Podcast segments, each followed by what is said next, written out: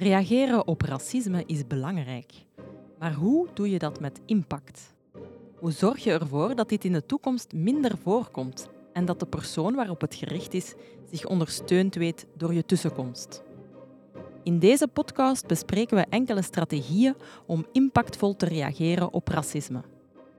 We willen impact bereiken op de manier waarop mensen met elkaar omgaan, maar vooral ook op lange termijn verandering teweeg brengen. Want racisme gaat verder dan een uitspraak van een enkeling op een slechte dag. Het is een systemisch probleem. Onze gastvrouw is Tine Holvoet. Zij begeleidt bedrijven en organisaties in het diverser en inclusiever maken van hun werking. Zij gaat telkens in gesprek met een deskundige in een bepaald domein van het antiracistisch werk om samen met jou te ontdekken wat er echt zinvol is om te doen. Tussendoor hoor je persoonlijke getuigenissen van hoe iemand omging met racisme. Soms door een toeschouwer, soms door een doelwit en soms door personen die iets ondernemen in hun eigen leef- of werkomgeving. Welkom bij React to Racism. Hallo allemaal en welkom bij deze nieuwe aflevering van React to Racism. We gaan het hebben over wat we kunnen doen als we racisme horen of zien in de werkcontext. In onze studio mevrouw Meriam Ait Meid, beleidsmedewerker werk bij de organisatie Level. Welkom, mevrouw Aitmeid. Dag Mirjam. Hallo, dag Tine. Je deed onderzoek uh, voor Level naar discriminatie op de werkvloer. Mhm. Kan je ja, de belangrijkste bevindingen uit je onderzoek even toelichten? Of zijn het er wat te veel? ja, dat zijn er heel veel, maar ik kan wel kort een schets geven. Dus ik heb inderdaad onderzoek gedaan. Ik heb een bevraging gedaan bij 140 werknemers met een migratieachtergrond. Um, om eigenlijk een beetje te polsen van uh, hoe dat zij die discriminatie, subtiele of niet subtiele vormen ervaren op de werkvloer. Dat waren werknemers van alle soorten uh, achtergronden en ook van alle niveaus van opleiding. En toch kwam er naar voren dat dat eigenlijk niet zo super mee heel veel mee beslist in uh, de ervaren van dat racisme. Dus um, er waren toch wel heel opmerkelijke dingen. Uh, ik herinner mij zo on top of my head dat een vierde van de werknemers aangaf dat ze ooit pesterij hebben ervaren en ik denk 58% ooit discriminatie hebben ervaren op de werkvloer. Dus dat zijn echt geen te verwaarloze cijfers. En die kunnen dat ook heel vaak aantonen door concrete voorbeelden en daar zitten subtiele en niet subtiele vormen van racisme in. Mhm. En ook met dat subtiele moeten we opletten, want één keer subtiel en twee keer en drie keer, dat bouwt zich dan op en dan is dat niet meer subtiel. Dus dat waren toch cijfers die mij zwaar bijgebleven zijn. En dan ook, ja, heb ik ook bevraagd uh, aan die mensen van uh, wat is de rol van de collega's of van andere mensen op de werkvloer daarin? En dan heb ik specifiek ook bevraagd van, uh, wordt er vaak gereageerd? En ik denk dat dat iets van minder dan 20% reageert direct als er zoiets gebeurt. Mhm. Minder dan de helft van de werknemers reageert eigenlijk op agressies, of dat dan nu micro is of niet, uh, op de werkvloer als ze dat meemaken. Dus dat toont ook dat mensen nog altijd bang zijn of dat ze dat eigenlijk wel accepteren. En die werknemers van kleur die zijn zich daar heel bewust van. En dat, allee, dat valt ook zwaar, dat is zwaar te verwerken, of zo zwaarder te verwerken, als ze zien dat er eigenlijk geen solidariteit is van mensen waarmee dat ze dagdagelijks samenwerken. Ja, dat laat dan nu net zijn waarom we deze podcast hebben gelanceerd. Om ervoor te zorgen dat meer mensen reageren mhm. op de werkvloer. Er is heel weinig reactie en heb je ook bevraagd hoe mensen zich daar dan mee voelen? In de kwantitatieve lijst kan je niet echt weten wat dat de wat nuances zijn. Ja. Maar er is ook een kwalitatief luikje, dat was niet zo groot. Maar daarin hebben ze wel gesproken en gezegd van ja, dat, dat wij voelen ons daar eigenlijk vreselijk bij. En dat geeft ook gewoon, uh, hoe zeg je dat, die tolerantie voor ja, racisme en discriminatie of pesterij op de werkvloer. Ja, dat geeft het gevoel dat het allemaal wel oké is. Ja.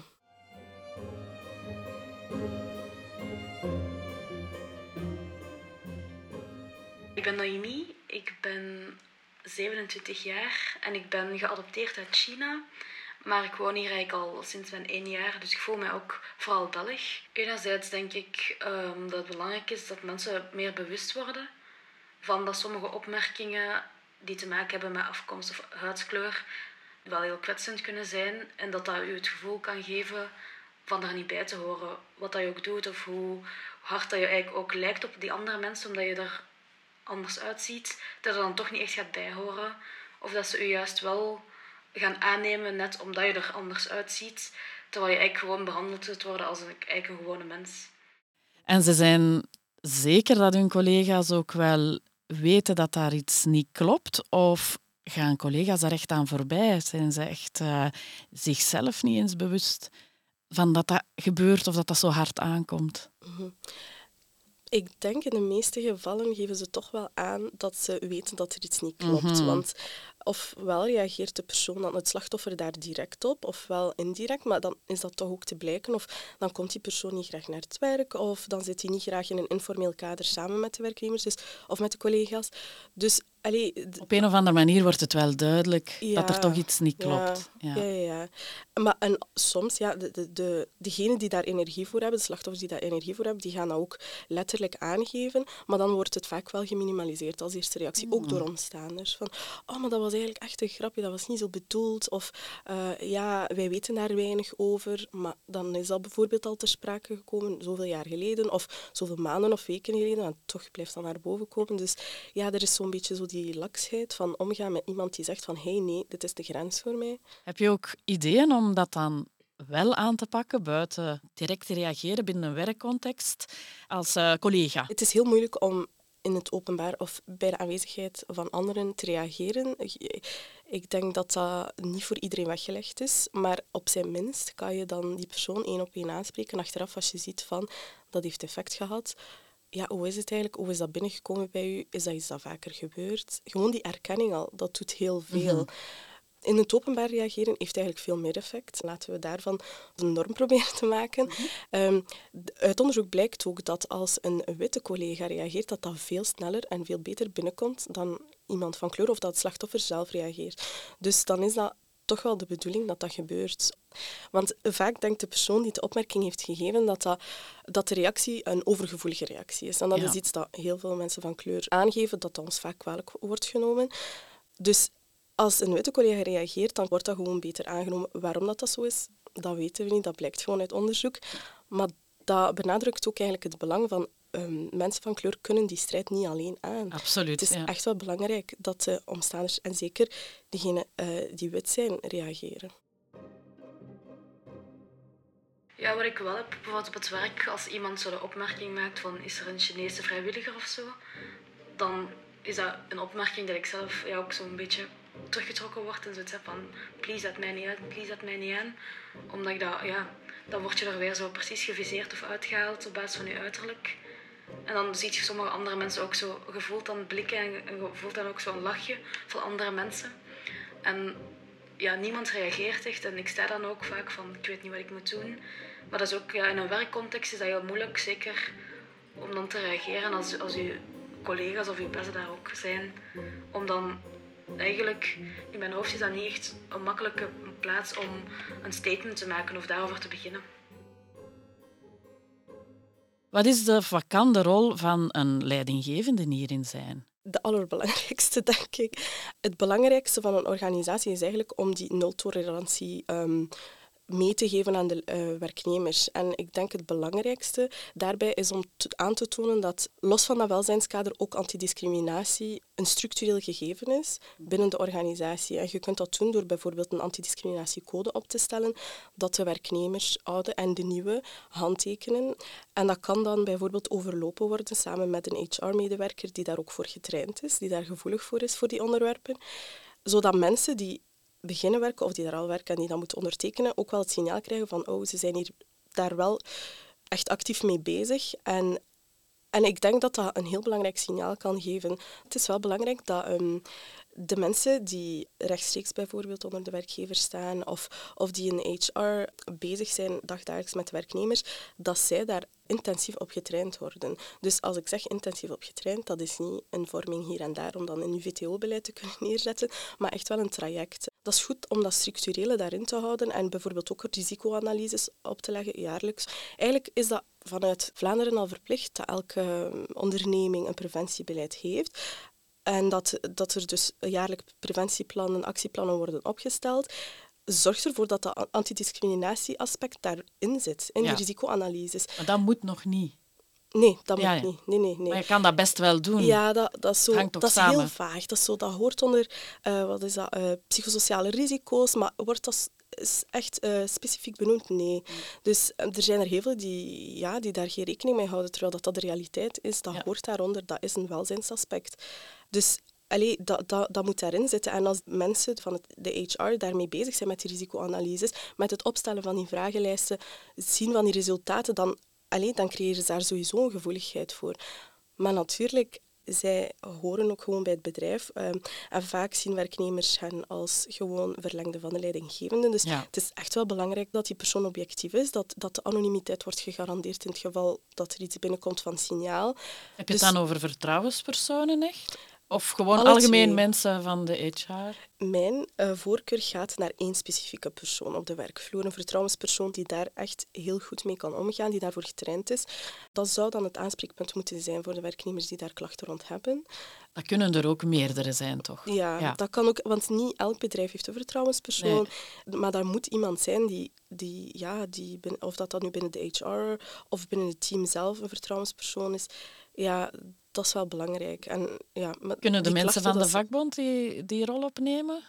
Of hebben die daar nog een andere rol in? Ja, ja jawel. Eh, ook in het onderzoek, in de aanbevelingen, staat daar ook eh, tussen dat de mensen van de vakbond daar een rol in kunnen spelen. Maar uit het onderzoek blijkt ook gewoon dat mensen dat ze vaak niet de stap nemen naar mensen van de vakbond. Ik denk dat dan mm, 15% was of zo. Dus dat, uit ervaring is dat zo dat mensen eigenlijk hun instinct op de werkvloer is de leidinggevende, ja, hoe ironisch dat ook is, en dan de vertrouwenspersoon of de HR, dat is op nummer twee. Maar vaak stappen ze naar de leidinggevende omdat er eigenlijk geen andere weg is, of omdat dat snap je, geen vertrouwenspersoon of, of dat ze zelf problemen ervaren met HR. Dus het is belangrijk om daar eigenlijk echt een specifieke persoon voor aan te ehm, duiden die daar ja, op getraind is. Je sprak even over VTO-beleid. We gaan dat even eh, uitrekken. En dat is vorming, training en opleidingsbeleid, waar dikwijls ook competentiebeleid in zit. En hoe kijk je naar competenties en hoe, eh, hoe vind je competenties? In veel gevallen competenties bij mensen van kleur, net omdat ze een beetje op een andere manier worden benaderd of niet echt goed worden ondersteund en zich ook wat minder goed in hun vel voelen op de werkvloer, dat dan hun competenties eigenlijk ook ondergesneeuwd geraken. Waardoor de doorstroming van mensen eh, van kleur moeilijker verloopt of minder eerlijk verloopt, gewoon omdat het niet wordt opgevangen, niet wordt gezien. Dus dat VTO-beleid dat daarop kan inspelen om het bewustzijn van hè, je unconscious bias of de manier waarop je naar, naar competenties kijkt en hoe je die naar boven kunt halen, hoe je die kan vinden en zien. Maar we focussen soms ook op bepaalde competenties die in een werkcontext in Vlaanderen, in bepaalde contexten, altijd heel belangrijk is geweest.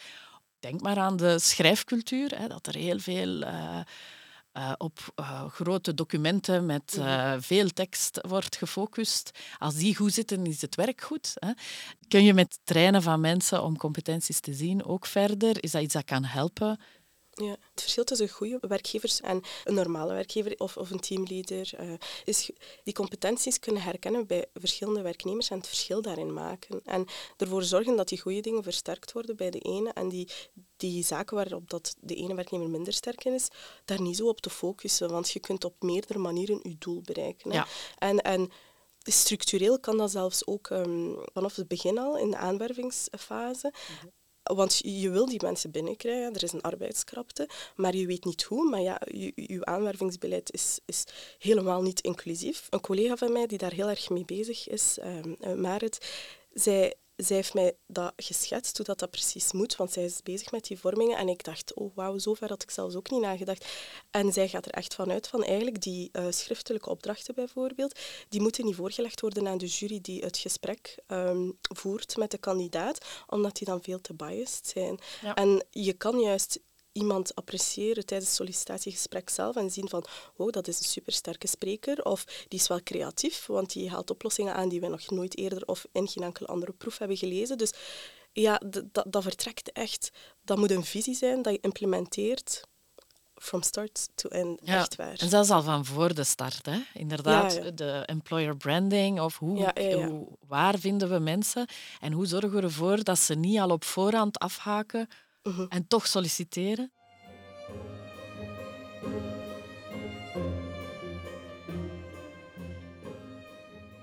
Ik ben Mirjam Wouters. Ik werk voor FEMA. Ik ben stafmedewerker inclusie. Ik heb zelf een, een migratieachtergrond. Ik ben geboren in Chili en geadopteerd toen ik vier maanden was. Naar eigenlijk nieuwe mensen op de werkvloer krijgen, vinden ik het ook belangrijk dat we die inclusie en die diversiteit verder gaan uitstralen. En gaan we ook ons best doen om, onze, eh, om te werken aan employer branding, uh, waarin dan eigenlijk meer naar buiten komt van één, wat is zo een job bij FEMA? Dat is ook vaak een, als je denkt aan het verenigingsleven, dat een hele heel, heel Vlaams is zelfs. Ik denk dat zelfs in de wereld bijna op heel weinig plaatsen bestaat. Om dat een beetje duidelijk te maken wat dat precies is. Als wij een vacature schrijven, wat we hebben nood aan een groepscoach. Ja, wat houdt dat in? Wat is een groepscoach? En dat willen we niet alleen maar doen met woorden, maar ook met beelden. Er is zelfs de gedachte over de mogelijkheid om bijvoorbeeld op voorhand al een infosessie te doen van hey, uh, dat klonk u interessant, maar heb je nog meer vragen voordat je komt solliciteren? Sowieso ehm, is ons beleid, is onze personeelschef zich heel veel bewust over wat mogelijke biases kunnen zijn. Ehm, ze probeert ook een beetje op te vangen door steeds een andere jury te hebben, dat ze niet altijd dezelfde mensen mee beslissen. Ook om soms mensen een wildcard zo wat te geven van, ja, ik, ik voel dat hierin zit, iets in zit, maar dat is nog niet ja, het komt er niet uit in die, die, die brief. Van, maar ja, soms voelt je dat van, ja, er zit iets in. En, en vooral om, om kansen te geven hè, aan, mensen van, oké, ik kom misschien niet uit die sector of je hebt nog nooit, of je studies niet gedaan, maar je werkt wel op, op een bepaalde manier met vrijwilligers um, om dat zo uh, zo, ja, zo voor te zorgen dat we toch zo wat meer uh, diversiteit aan mensen. En dat betekent niet alleen met migratieachtergrond, maar eender ook van studieachtergrond. Uh, hoe men denkt, hoe men zich voelt, dat we dat meer binnenkrijgen. Ja, we hadden het over ja, een soort code of conduct, hè, een charter mhm. dat getekend kan worden door mensen die nieuw binnenkomen, mensen die al werken in het bedrijf. Wat moet er voor jou eigenlijk in terugkomen? Wat moet er voor, om een goed charter te zijn, wat zou daar best allemaal in staan? Kan je daar iets over zeggen? Eerst en vooral de visie van de organisatie op discriminatie of op pesterijn op de werkvloer. Je definieert dat ook heel duidelijk, want wat is discriminatie? Eh, hoort daar ook subtiele vormen, uh, hoort dat daaronder of niet? Uh, veel mensen zijn zich daar niet van bewust, dus je moet dat echt heel duidelijk definiëren. Het doel van het beleid, waarom doe je dat als organisatie? Waarom is dat belangrijk? Misschien moet je ook een paar cijfers of zo meegeven van eigenlijk, dat tast heel hard aan het welzijn van mensen met migratieachtergrond op de werkvloer. En daarom ja, tolereren wij dat niet. Willen dat dat een constructieve, positieve sfeer is hier. Dus het doel van het beleid, de definitie. En dan natuurlijk ga je beginnen omschrijven van bij wie kan je terecht als het zover is, uh, als je een klacht hebt, als je je niet goed voelt. En dan is het belangrijk om te omschrijven, dus wie, hoort de HR daartussen of niet? Is er een vertrouwenspersoon aangewezen? Als dat niet zo is, dan moet je extern ook echt wel omschrijven van dat zijn de stappen die je kan ondernemen als uh, werknemer. En het is heel, heel belangrijk om erin te zetten dat de uh, vertrouwenspersoon, als hij aangewezen is, dat hij ook de anonimiteit garandeert. En ook dat er geen represailles zijn als je een klacht indient. Want dat kan niet zo zijn dat iemand klacht indient en dat hij dan twee weken later een beetje weggepest wordt of, of niet rechtstreeks. En dan oei, eerste waarschuwing en dan ontslag of zo, tweede waarschuwing en ontslag. Dus je moet garanderen dat de persoon die de stap neemt, eigenlijk veilig is. Ja. Uh, dat dat een veilige sfeer kan. Kan eender wie zich voorstellen om vertrouwenspersoon te worden? Wel, uh, in principe wel. Ik denk dat dat zijn voordelen heeft. Uh, die staat heel dicht bij de collega's. Maar dat heeft ook zijn nadelen. Net dat wat dat voordeel is, is ook een nadeel. Misschien ben je ook niet super objectief. Maar ik denk zo, soms is er zo'n obsessie met die objectiviteit. En niemand is objectief, weet je. Dus ik, ik vind dat eigenlijk een pluspunt. Uit, maar ik spreek uit persoonlijke ervaring. Ik weet niet of dat al zo is uit onderzoek. Maar ik denk wel dat dat echt een pluspunt kan zijn dat een werknemer uh, zich daarvoor opgeeft, de juiste vormingen ervoor krijgt, de juiste opleiding. Dat is niet zomaar iets. Dus ik ben daar wel voorstander van. Mhm. ja. Ik kan me ook wel voorstellen dat veel mensen zich, als ze geconfronteerd worden met racisme op de werkvloer dat tegen een van hun collega's van kleur is gericht. En als daarop wordt gereageerd door de persoon van kleur, dat mensen soms zich ook wel ongemakkelijk voelen. Of ze het gevoel hebben van, oh, zoals ik net al zei, van ja, dat was wel niet zo bedoeld. Of zoals jij ook zei, van oh, dat was maar een grapje. Hoe kan je daar verder mee omgaan als andere collega op de werkvloer? Ik vertrek altijd vanuit het opzicht dat als iemand aangeeft dat, dat er een grens overschreden is, dat er wel duidelijk iets scheelt. Dus als die persoon zegt van oké, dat, was misschien een grapje, maar ik voel me er niet goed bij, los van wat jij daarover denkt. Allee, die, die persoon heeft een grens aangegeven. Dus als collega kan je ook gewoon zeggen van oké, misschien begrijp je het niet, maar die persoon vindt dat niet leuk, dus kan dat misschien in het vervolg gewoon niet meer gebeuren. En los daarvan, mensen van kleur gaan niet zeggen van bij het eerste grapje of het tweede, dat, dat, dat is iets structureel. En dat komt vaak voor. Of die collega heeft dat ook al gezegd. En dus je kunt ook wel echt aangeven van oké, maar is dat wel alleen maar een grapje? Want je hebt vorige week ook zoiets gezegd daarover en misschien denk je daar anders over. En, want dat is niet zo, dat is niet onschuldig. Er, er schuilt daar vaak iets anders achter. Mijn naam is Bachelora Capella en ik ben een zwarte vrouw. Zoals ik me ook graag noem, ik ben Afro-Belg. De meesten zijn zo aan juffen. Ze, ze hebben gewoon niet de tools, ze hebben niet wat het vraagt om een kind te begeleiden die racisme meemaakt. En, en dan neem je gewoon mee als volwassen ook in jouw werk ook. Dat je denkt sowieso, mijn, mijn witte collega's die zijn beter georganiseerd. Mijn witte collega's die schrijven betere mails. Mijn witte collega's die schrijven betere verslagen. En, en als je daar zelf niet aan werkt door op therapie te gaan of door een safe space te vinden van mensen van kleur, dan, ja, dan, dan blijf je dat gevoel gewoon aanhouden. En voor mij, dat, dat speelt echt op dat ik zal het nooit beter doen en dat, dat je gewoon onzeker bent en dat je jezelf gewoon als uh, minderwaardig ziet. En vaak denken mensen dat dat conflict gaat veroorzaken, maar het is juist belangrijk om die openheid te creëren, om over grenzen te spreken of over grapjes die niet als grapjes bedoeld zijn. Of oké, hoe voel je je daarbij? Ja, eigenlijk voel ik mij buitengesloten, zoals dat je zei. Ik, hoor, ik voel dat ik er niet bij hoor. Oké, wow, dat ik nooit door. Laten we erover praten of laten we dat niet meer doen. Uh, ja, ik bedoel, er is echt geen probleem met ding. Allee, soms iets aangeven dat voor jou niet goed aanvoelt. Ga dat gesprek aan. Ik heb veel liever dat iemand zegt tegen mij van dat stoorde mij aan jouw gedrag of jouw opmerking, dan gewoon dat op te kroppen. Of, of ja, ik bedoel, creëer die openheid. Jullie zijn collega's, jullie werken super vaak samen. Het is belangrijk dat iedereen zich goed voelt. Ik bedoel, allez, zowel voor u als voor die persoon. Jullie gaan ook moeten samenwerken. Dus je kan niet blijven mm, ja, zo apart van elkaar werken en apart van elkaar communiceren en dan ja, een, een soort van onzichtbare grens creëren. Die dan niet voor iedereen op dezelfde plaats ligt. Ja. Die grens het is onzichtbaar, dus uh, voilà, ja, dan is het een beetje gissen. Maar we maken eerst misschien nog wel een paar keer de fout. Geen probleem, maar dan kunnen we erover spreken. Zijn er zo woorden waar jij van denkt, ga, die zie ik toch liever niet meer uh, passeren of uh, zo word ik liever niet benoemd of aangesproken? Um, of zo'n grapje, dat is recht, dat is al dat, dat mag wel eens gedaan zijn. We kunnen onze woorden wat aanpassen, waardoor de sfeer wat aanpast, waardoor de openheid uh, wordt gecreëerd. Dus misschien geen woord, maar een, een soort van attitude dat we kunnen veranderen naar mensen die een moeilijk, tussen aanhalingstekens, moeilijk uit te spreken naam hebben. Uh, mm. Kunnen we daar misschien gewoon collectief veranderingen brengen? En uh, ja, in ons gesprek bijvoorbeeld had je wel de decency om te vragen van hoe spreek ik uw naam uit? Ik denk dat je de tweede persoon bent in mijn leven die dat heeft gevraagd. Oh Echt. En dan je zei van, oké, maar niet specifiek. En dan, want ik heb zo de, de, de whitewashed versie en dan mijn echte versie.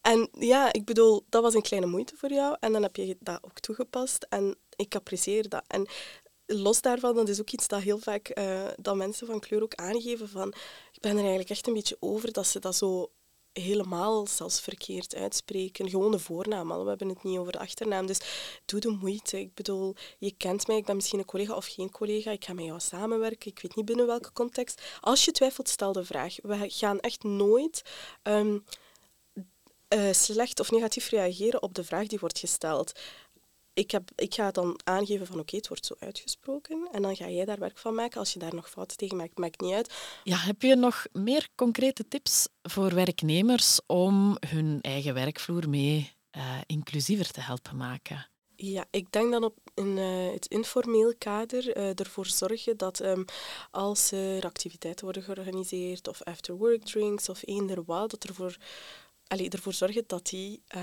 activiteiten ook inclusief zijn. Dat je iedereen mee betrekt, misschien in het plannen of dan zeker in het vragen van wil je eraan deelnemen.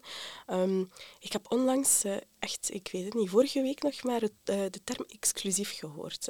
ik had het nog nooit gehoord en dan, ja, dat is exclusief werken. En dan stelde ik de vraag, wat is dat? En dan was er een, een, concreet voorbeeldje. En dan zei die vrouw van ja, dat is um, bijvoorbeeld um, ervoor zorgen dat, dat je een vrouwenmiddag organiseert waarbij dat je kan zwemmen, zodat vrouwen die moslims zijn en de hoofddoek dragen ook kunnen deelnemen.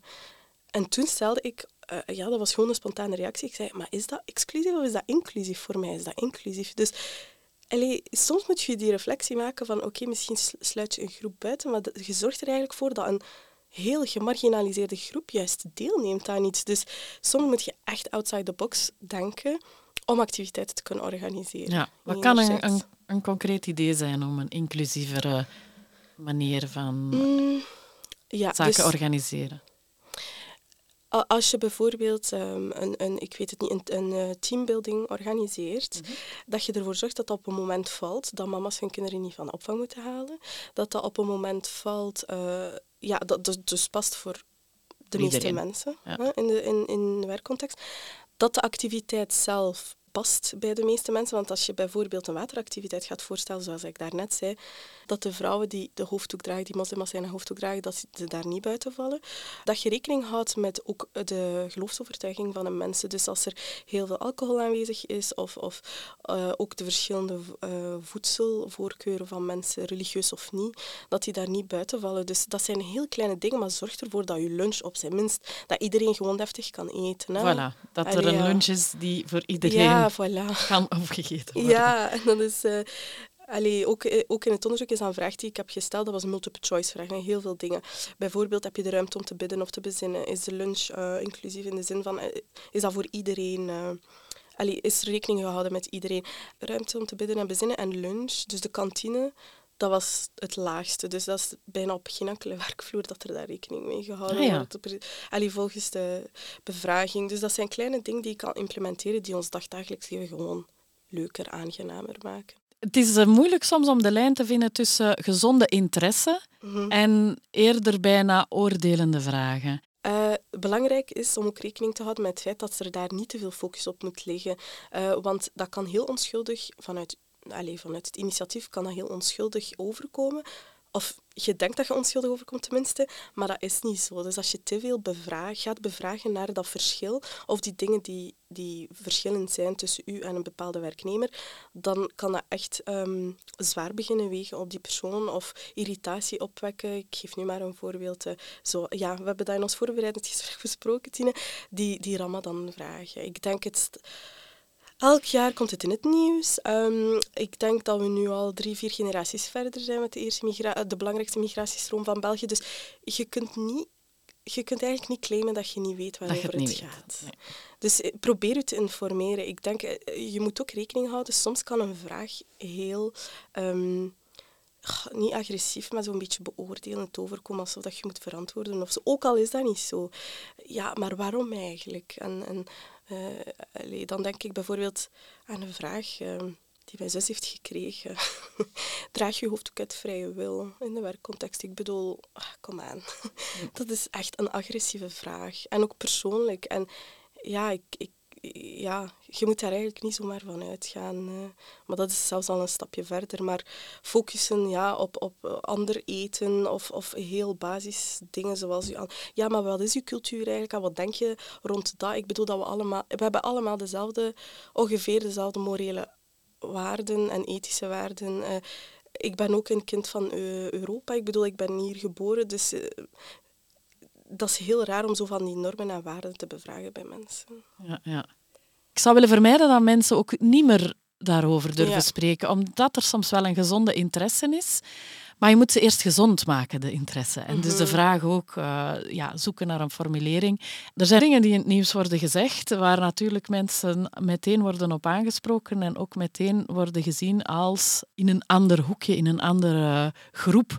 Dus de vraag zelf zet u meteen buiten het geheel? Ja, ehm, eh, toen ik eh, die werknemers met migratieachtergrond ging bevragen, dat was uh, een van de topirritaties eigenlijk het feit dat ze zich moesten verantwoorden als er iets negatiefs in het nieuws kwam. Dus de aanslagen bijvoorbeeld in Brussel. Dat was voor iedereen een shock. Hè? Iedereen. Dus om dan de dag erna op je werk toe te komen en de vraag te krijgen van ja, maar waar sta je, hoe sta je daar tegenover en vind je dat wel oké? Niemand vindt dat oké. Ik bedoel, dat is, een, dat, dat is geen onschuldige vraag. En als je gewoon dat reflex inderdaad uh, gaat incorporeren van die vraag, zou ik die stellen aan een witte persoon? Ja, dan, dat, je zou dat niet doen. Dat is, dat is eigenlijk echt super agressief. Ja. Ik vind het een uh, zeer belangrijke tip en een interessante en ook niet zo moeilijke tip. Dus daar kan mhm. iedereen mee aan de slag. Ik zou zeggen, uh, waar wachten wij nog op aan het werk? Dankjewel, ook beste luisteraars. In het bijzonder zij die nu actie gaan ondernemen. Onthoud vooral, zonder wrijving geen glans. Ik wens jullie goede moed en veel impact. Het is graag gedaan, Tine, en super bedankt voor de uitnodiging. Dit was React to Racism, een podcast van Avanza Oost-Brabant, Orbit VZW en Winda Kitoko in een productie van Alles Podcast. Deze podcast werd ook mogelijk gemaakt dankzij de steun van de federale staatssecretaris voor gelijke kansen. Wil je meer weten over hoe je kan reageren met impact? Luister dan zeker naar de vier andere afleveringen. Je vindt ze samen met nog veel meer informatie op de website reacttoracism.be. Bedankt om te luisteren en heel graag tot een volgende keer.